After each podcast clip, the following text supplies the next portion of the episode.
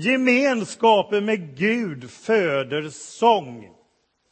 Psalmisten, Bibelns bönebok i lovsång, i motgång, i medgång är fylld av lovsång, tröst, hopp, men också av känslor av vrede och övergivenhet. Allt finns med i dur och i moll.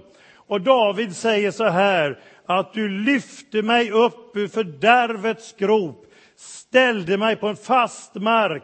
Du la i min mun, vad då? En ny sång, en lovsång till vår Gud. Det ska många se och häpna. Och jag har haft förmånen att få sjunga lovsånger i många olika länder.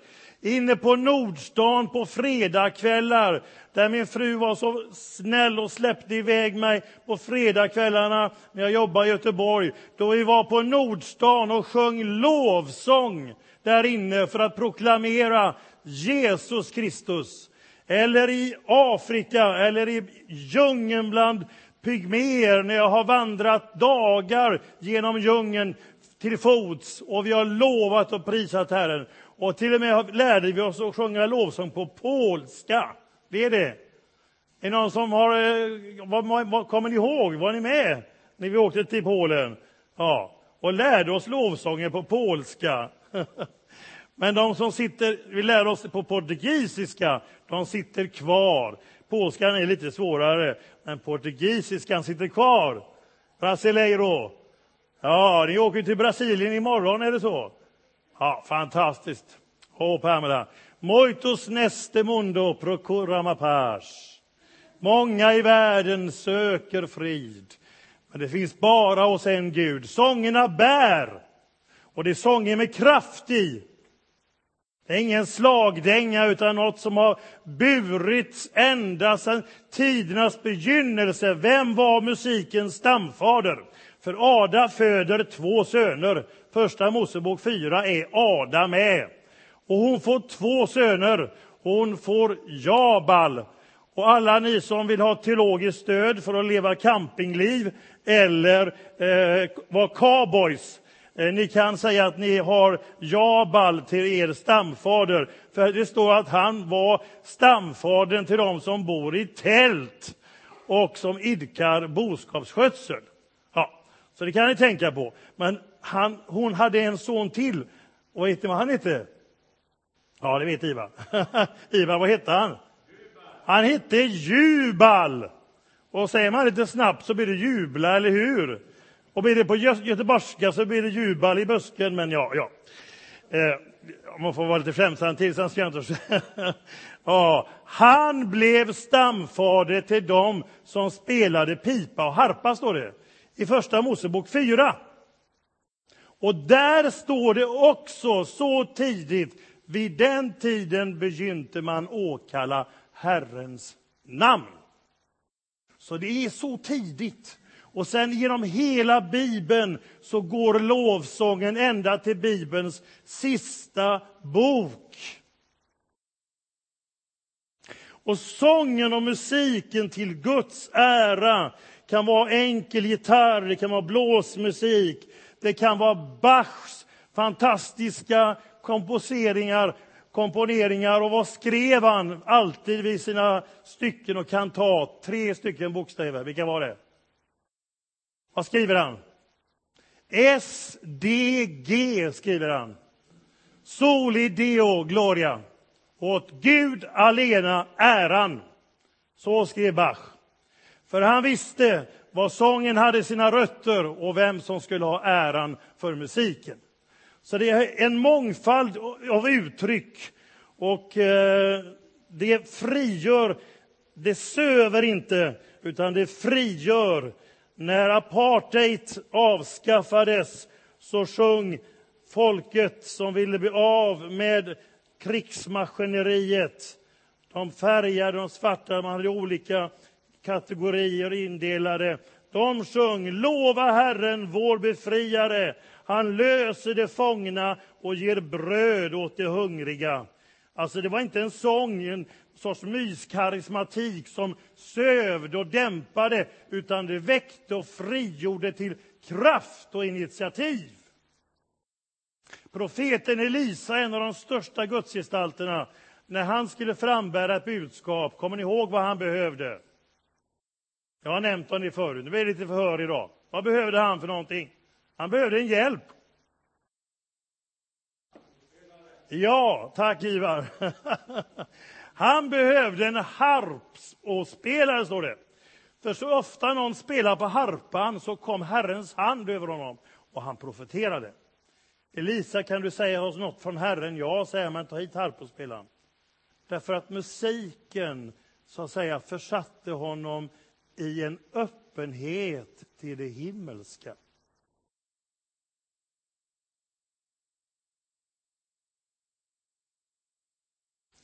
Och när Saul led av depression, av mörker och betryck.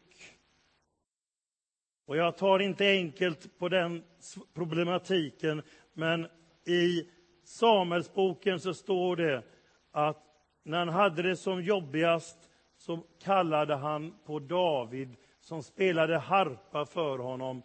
Och när han spelade harpa så lämnade det mörka, står det. Instrumentalmusiken drev ondskans krafter, eller det mörka, eller betrycket, vad du vill. Det fick ge vika. Och i engelskans Jesaja 61 och 3 så står det Ta på dig garment of praise. Ta på dig lovsångens klädnad mot tungsinnets ande. Det är inte alltid så lätt, men vi kan sjunga i dur eller i moll, för Gud är ändå Gud, hur det än ser ut i våra liv, och är värd lov, pris och ära. Vad gjorde Saul och eh, Paulus och Silas? Vad gjorde de när de satt? De hamnade ju i finkan, för de hade befriat en kvinna som led av ondskans makter. Och eh, det tyckte man, det, då kom, blev de av med sin inkomst. Ni kommer ihåg, ni får läsa på i Apostlagärningarna annars. Eh, så vad gjorde de för någonting? De satt längst in i fängelsehålan, piskade och pryglade. De sjöng lovsång. Ja, vilka fångar! De andra fångarna lyssnade på det, stod de. De hade aldrig varit med om maken. Fångvaktaren tittade, är de riktiga där inne? Och jag piskat dem allting och de sjunger. Och vad händer när de sjunger? Ja, kedjorna lossnar och vad, blir, vad händer precis innan? Det blev en jordskalv, står det. Pang! Och kedjorna flög av, dörrarna öppnade sig, fångvaktaren tog svärdet och skulle sticka i sig. För om någon fånge smet fick han betala med sitt liv. Lugn, säger Paulus. Vi är alla här. Alla andra fångarna var kvar också. De var helt perplexa. Alla stannade. Någon sa så här, de sjöng gospel så häftigt så Gud stampade takten. Ja, det kan man väl tänka sig. Ja. Lovsången öppnade vägen. Fångvaktaren hans familj kom till tro och lät döpa sig. En sån styrka och en sån kraft. Tittar vi i Gamla testamentet, hur såg det ut där? Jo, där var det lovsång dag och natt, står det i templet. 4 000 lovsångare dag och natt. Man tjänstgjorde i olika pass. Här har vi sjungit lovsång under många år. I ett år gjorde vi det speciellt mycket när vi hade landets näst största bibelskola här med 90 elever som sjöng lovsång varje morgon här under ett år. Och familjen Mörtsell som var vaktmästare de kan vittna om att det var en sån kraft och sån ande utgjuten så när man kom in här eller kom in i deras vaktmästarlägenhet så sa de att det var Guds härlighet kom liksom in i fläkten. Ja, det kan ju låta lite så, men de var så. Så påtagligt, så kraftigt, så närvarande. Lovsången. Och tänk att ha en lovsångskör dygnet runt. Eh, jag vet inte hur det skulle funka om vi tänker oss i dagens läge. Eh, vi har en körsång, välkomna. Ja, när sjunger vi nästa gång? Ja, det blir klockan tre i natt. Ja, är det lätt, vad tror ni, att rekrytera? Eller klockan fem övar vi och så sjunger vi klockan sex. Det kan vara bra för de som är nattmänniskor, de får sjunga på, dagen och so eller på natten och sova på dagen. Lite tvärtom, det kan ju gå bra. Ja, man vet aldrig. Varför gjorde man så? Jo, därför att, tror jag, det står att de som skulle leda lovsången, det var 288 stycken, hade blivit undervisade i sången till Herrens ära. Vad skulle de ha för att leda sången, Asafs söner? Det var en speciell sak de behövde.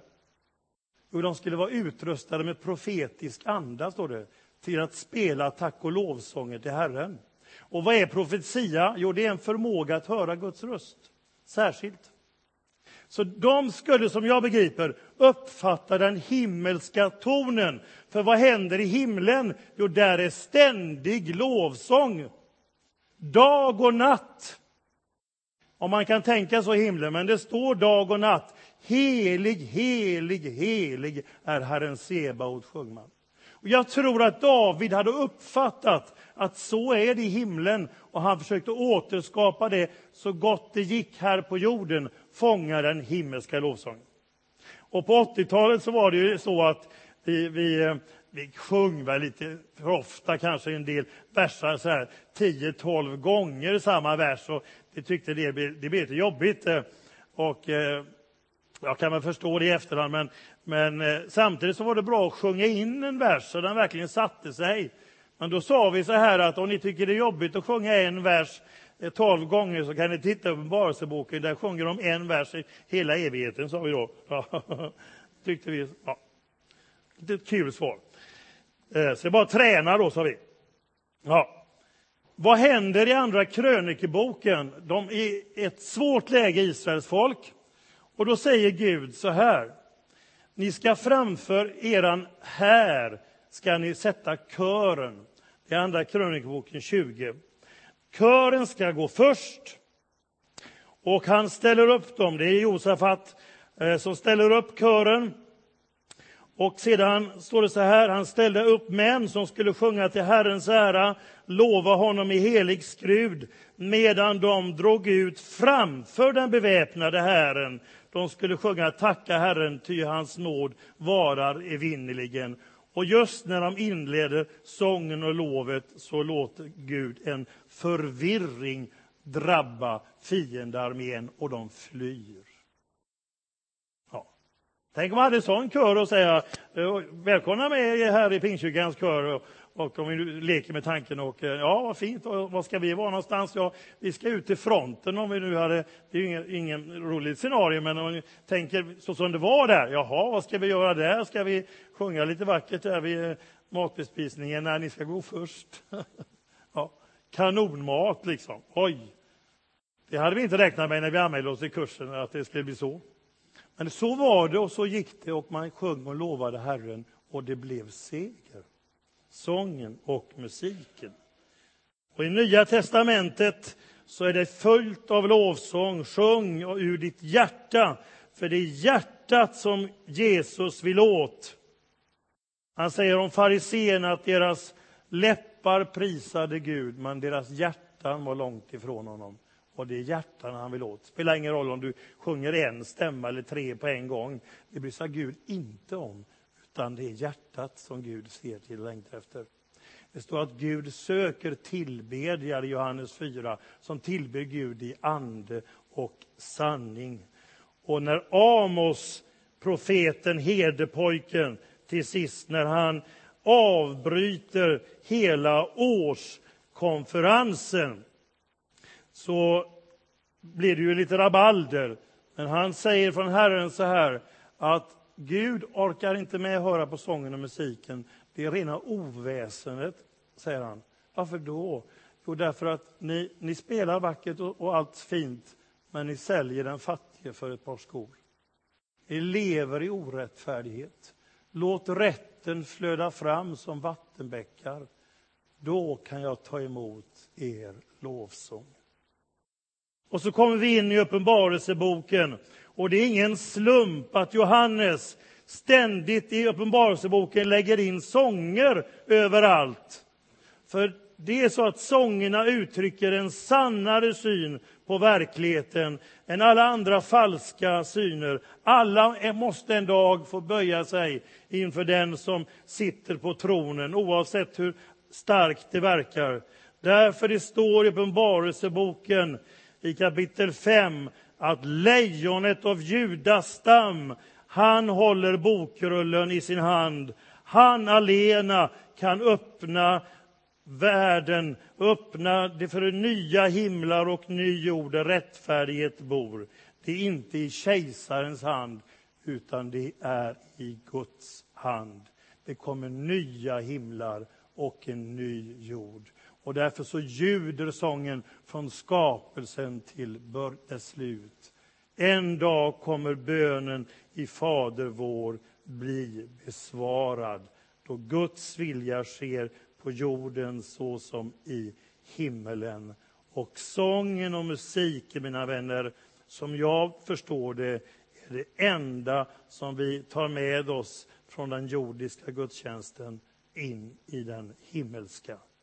Så låt oss fortsätta att sjunga sången som frigör profetisk kraft, visioner, tröstar, uppmuntrar, styrker och stärker till medvetenhet och som sjunger ut Maranata, Amen, kom Herre Jesus. Låt oss bli stilla.